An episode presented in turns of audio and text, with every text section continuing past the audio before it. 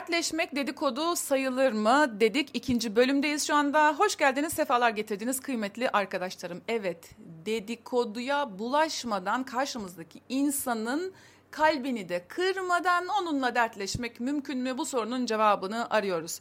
Bu ikinci bölüm. Şimdi arkadaşınız var karşınızda diyelim. Onu patronu üzmüş, eşi üzmüş, kardeşi ya da ortak bir arkadaşınız üzmüş. Siz de onun şikayetçi olduğu kişiyi tanıyorsunuz. Belki de tanımıyorsunuz. Çok da önemli değil. Ama eğer o kişiyi tanıyorsanız şöyle bir cümle kurmayın. Bak onu da tanıyorum seni de. Eminim bir anlık öfkeyle sesini yükseltti sonra pişman oldu. Öyle biri değil yoksa sen de bunu biliyorsun demiyoruz. Bunu birinci bölümde de konuşmuştuk. Onun yerine şöyle diyeceğiz arkadaşlar. Anlattı anlattı. Dinlediniz. Sakin bir şekilde onu dinlediniz. Şöyle şunu deyin. Nasılsın peki şimdi? Peki bu konuda ne yapmayı düşünüyorsun? Canının sıkılmasına üzüldüm. Bu cümleleri değiştirebilirsiniz kendinize göre.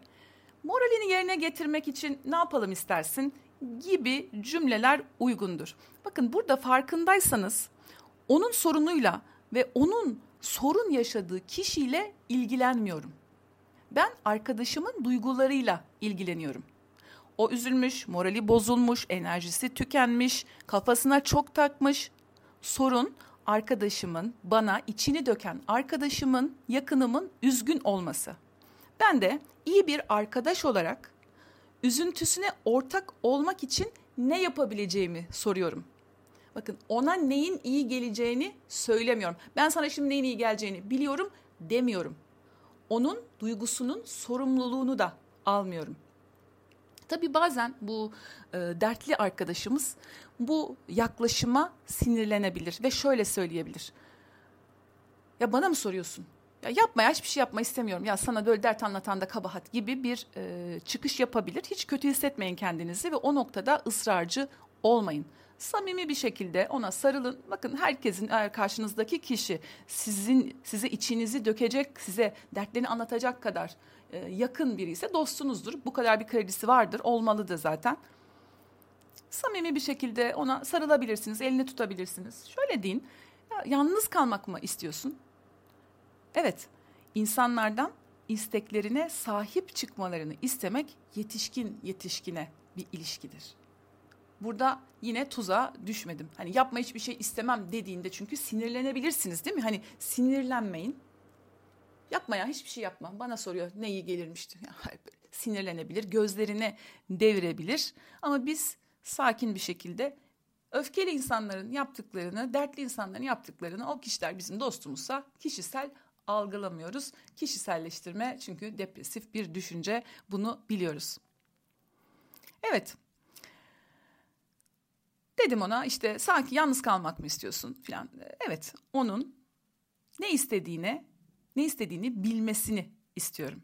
Şimdi insanlar kıymetli arkadaşlarım sorunlar tarafından tüketildiği anlarda çocuk moduna geçiyorlar ve ne istediklerini sizin tahmin edip ihtiyaçlarını gidermenizi umabiliyorlar. Bu çocuk modu meselesini YouTube videolarında konuştuk. Podcastlerde konuşmadık ama YouTube kanalımda, YouTube kanalımdaki Mavi Oda eğitimlerinde bunu konuştuk. Bu modlar meselesini konuştuk. Herkes açık tarafta da var. Oralardan bakabilirsiniz. Ee, ya da bu konuyu daha fazla merak ediyorsanız Hayatı Yeniden Keşfedin diye çok güzel bir kitap var. O kitabı da okuyabilirsiniz. Bir de kitap tavsiyesi yapmış olalım arada. Yani dertli, öfkeli, sinirli bir insan yeterli duygusal olgunluğunda sahip değilse yetişkin bir tavırda kalmakta zorlanabilir. Onu birazcık kendi haline bırakacağız. Yani normalde bu kişi mesela yetişkin e, modu aktif biri olabilir, duygusal olgunluğa sahip biri olabilir ama şunu unutmayalım. Eğer karşımızda yorgun, korkmuş, incinmiş, öfkeli, sinirli biri varsa bu kişinin çok hızlı bir şekilde e, çocuk modlarının aktive olabileceğini unutmayalım. O yüzden o çocuk olsa da biz sinirli bir ebeveyn, aa seni de mutlu edemiyorum tarzında bir e, ebeveyn tavrına dönüşmeyeceğiz. Biz sakin, destekleyici bir arkadaş, bir yetişkin olarak kalmaya devam edeceğiz. Ki e, bunun bu e, muhabbetin sonu güzel olsun. Şimdi diyelim ki siz şöyle yaptınız arkadaşlar. Bir yudum suyumuzu içelim, devam edelim. Şimdi diyelim ki şöyle dediniz. Bunu dememeniz lazım ama Hani ben sana neyin iyi geleceğini biliyorum. Gel şimdi bir film açalım. Ben mısır patlatayım. Bak sana ne iyi gelir biliyor musun? Hadi arabayla şöyle bir gezelim. Müzik dinleyelim. Hadi gel. Sahilde iki çay içtik mi sen bir rahatlarsın. Bak deniz havası iyi gelir biliyor musun? Deniz havası şimdi sana çok iyi gelecek falan diye böyle onu mutlu etmek, sakinleştirmek için, e, kafasını dağıtmak için diyebilirsiniz ki arkadaşlar birbirine böyle şeyler yapmaz mı? Yapar. Ancak e, burada bunu yaptığımızda biz onun duygularının ve iyi hissetmesiyle ilgili durumun sorumluluğunu almış oluyoruz. Oysa bu sorumluluk bize ait değil. Böyle yaparsak tükeniriz ama bakın bu şekilde burada anlattığım şekilde devam edersek insanların hem dertlerine kalbini kalbimizi açabiliriz hem onlara yardımcı olabiliriz hem de bu bizi hiç tüketmez. Hatta bu şekilde yani doğru üslupla doğru yöntemle yardım ettiğimizde kendimizi çok daha zenginleşmiş hissederiz. Çok daha iyi hissederiz kendimizi. Yani bunu yapmıyoruz. İşte deniz havası sana iyi gelir de falan da böyle. Ee, dikkat edin zaten bakın böyle zamanlarda yardım etmeye çalıştığınız kişi sizin her teklifinize hayır der. Bakın kuvvetle hayır deme ihtimali var. Bir noktada tamam deyip sizin yardımınızı kabul ettiğinde o an size dönüp e, yani çok iyi geldi deniz havası iyi ki varsın arkadaşım işte sen olmasan evde oturup kurmaya devam edecektim dese de bir süre sonra hani kişiler üzüntülerini o duygusal yoğunluğunu atlattıktan sonra normal denge duygusal olarak regüle olup dengeye geldikten sonra yetişkin moduna geçtiğinde emin olun ilk fırsatta suçlayacağı kişi siz olursunuz. İlk fırsatta sizi suçlayacaktır. Yani bir aradan bir zaman geçtiğinde şu lafı duyabilirsiniz. Ya bak sen o günde zaten ben böyle dertliydim, o günde zaten böyle yaptın. Evde dinlenmem lazım, anlamıyorsun. Sustum sustum, yok onu mu yapalım, bunu mu yapalım. Tuttun beni sahile götürdün. E tabii canım evde benim başımı beklemek zor geldi değil mi? Hadi kendini gezdirdin.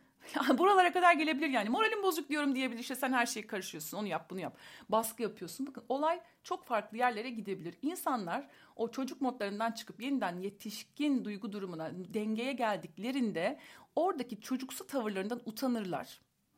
Ve hani böyle bu kişi sizi suçlayabilir. Ya bu böyle olur demiyorum. Bu her zaman böyle olabilir demiyorum. Ama bunlara dikkat edelim. Olabilir. Olabilir. Biz tedbirimizi alalım e, karşımızdaki kişinin neye ihtiyacı olduğunu tahmin etmeye çalışmayalım. Bir iki teklifte bulunalım ister misin diye soralım. Yani sana deniz havası iyi gelir ben biliyorum şimdi var ya bak bir mısır patlatacağım bir film açacağım şunu yapacağım bunu yapacağım. Hayır siz burada ona ne istediğini sorun. Neye ihtiyacı olduğunu sorun. Yalnız kalmak ister misin? Dışarı çıkmak istersen seni arabayla dolaştırabilirim. Eğer karnın açsa yemek hazırlayabilirim. Sana yemek hazırlamamı ister misin? O size ne istediğini söylesin. Sonrasında utanacağı, pişman olacağı şeyler yapmasına da engel olursunuz aslında. Bu aynı zamanda onun o anda kızsa bile hem kendi iyiliğiniz hem de onun iyiliği için çok önemli bir şey yapıyorsunuz. Evet.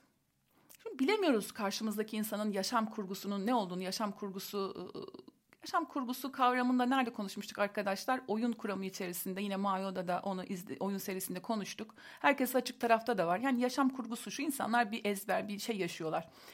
Yani onu söylemek istediği bir cümle var. Hani insanlar beni ciddiye almıyor, kararlarıma saygı duymuyor. İşte dediğim dedik insanlardan bıktım. Yani belki de o kişi bir oyun oynuyor. Bunu da bilmiyoruz. Onun yaşam kurgusunu bilmediğimiz için arkadaşlar e, yani biz onun derdini almaya çalışıyoruz ama o finalde kimse beni anlamıyor, derdimi açıyorum, insanlar bana baskı yapıyor diyebilir. İşte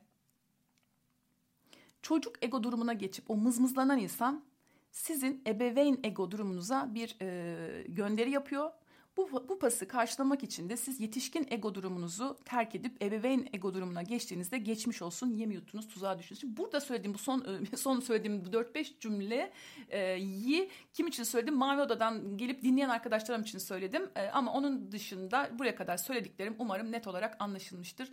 E, siz de eğer bu konularla ilgili bu oyun konusuyla ilgili bilgilenmek, kendinizi geliştirmek istiyorsanız size birkaç kitap tavsiye edeceğim. Erik Berne'nin İnsanların Oynadığı Oyunlar kitabı. Onun dışında Okyanus yayınlarından çıkan Ben Okeyim Sen Okeysin kitabı. Bir kitap daha var. Şu an yazarını hatırlamadığım için söylemiyorum. Onu da e, oyun serisinin içinde kitap tavsiyeleri bölümünde var ama bu iki kitap çok güzel. Özellikle bu e, Okyanus yayınlarından çıkan Ben Okeyim Sen Okeysin ve Erik Berne'nin e, kitabı ikisi bu konuyla ilgili bu yaşam kurgusu, tuzaklar, ego durumları meselesini daha net anlamanızı sağlayabilir. Ha anlamak zorunda mısınız diyebilirsiniz ki ya ben burada podcast dinliyorum. Yani ben böyle biraz sohbet havasında ben bu teknik bir şey istemiyorum. Burada da amacımız şey aslında arkadaşlar böyle bir ders teknik konu. O işin hani o işin eğitim öğretim kısmını e, biz zaten YouTube eğitimlerinde yapıyoruz. Hani burada biraz daha hayata dokunan güncel hani bizim hani e, hani ama bu temelde de bunları biliyorsanız burada konuştuklarım o kadar faydalı olur ki sizin için hayata geçirmeniz için. Öyle olursa çok daha tabii tadından yenmez kendi gelişiminiz için. Şimdi bir diğer sakınca da kıymetli dostlarım işler değişince bazen işler değişir o kişinin aklı başına dengeye geldiğinde içine döktü size filan ama sizin onu teskin etmek için söylediğiniz sözler var ya Bunlar sizin ayağınıza dolanabilir, başınıza iş açabilir.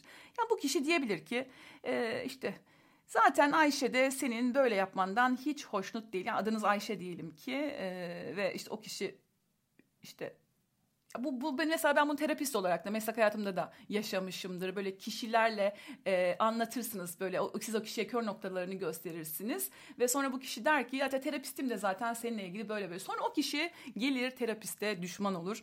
Bunlar yaşanır e, ve siz birdenbire ne alaka filan dersiniz yani. E, yani içini döken taraf tabii siz de olabilirsiniz burada. Bugün şikayet ettiğiniz kişiyle yarın aranız düzelebilir ve e, dert yandığınız kişi bundan rahatsız olacaktır normal olarak. Hani madem barışacaktın beni niye doldurdun ona karşı? Hani evet insanları dinleyelim. Hak vermeden, akıl vermeden, yorum yapmadan. Kişinin o karşımızdaki insanın, dertleşen insanın ne hissettiğine odaklanalım. Yaşadığı olaya değil. Her ne olduysa oldu. Yaşananları değiştiremeyiz ama kişinin yaşadığı olaya farklı açılardan bakmasını sağlayacak pencereler açabiliriz. Biz eğer yaşananlarla ilgili, bakın yaşananlarla ilgili yaptığınız her yorum o kişinin hatalarının sorumluluğuna sizi ortak eder. Cümleyi bir kere daha söyleyelim mi? Bir kere daha söyleyelim hadi. Anlattı size, derdini döktü, bir şeyler yaşanmış. Annesiyle, eşiyle, kardeşiyle anlatıyor, anlatıyor, anlatıyor. İş yerinde olanı anlatıyor ve siz bu yaşanan olaylarla ilgili yorum yaptığınızda o kişinin hatalarının sorumluluğuna ortak olursunuz. Oysa niyetiniz kişinin yoğun duygusallık yaşadığı anda onu biraz olsun sakinleştirmek, rahatlatmaktı. Ama ne oldunuz? Taraf oldunuz e, onun rahatsız olduğu şeyden siz de rahatsız oluyormuş gibi davrandığınızda, müdahil olduğunuzda işler değiştiğinde karşı taraf diyebilir. Ya o gün işte biz gittik Tülay'la da konuştuk. Ya Tülay da zaten bu işin saçmalık olduğunu söyledi. Tülay da zaten yok artık dedi, yuh dedi. Tülay da zaten çok ayıpladı, kınadı şeklinde. Oysa bizim umrumuzda ol, bile olmayan, bize zarar dokunmayan bir konudur.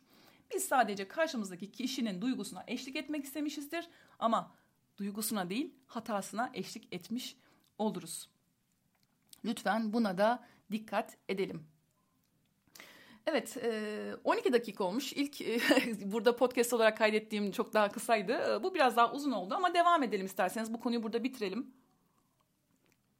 Şimdi de duyguları çok yoğun olduğunda ağlayarak, böyle acıyla kıvranarak derdini anlatmaya çalışan insanın anlattıklarını dinlemeden önce Peki neler yapabiliriz? Yok bunu bence burada bitirelim. Bir üçüncü bölüm yapalım. Dertleşmek dedikodu sayılır mı da üçüncü bölümünde neyi konuşalım biliyor musunuz?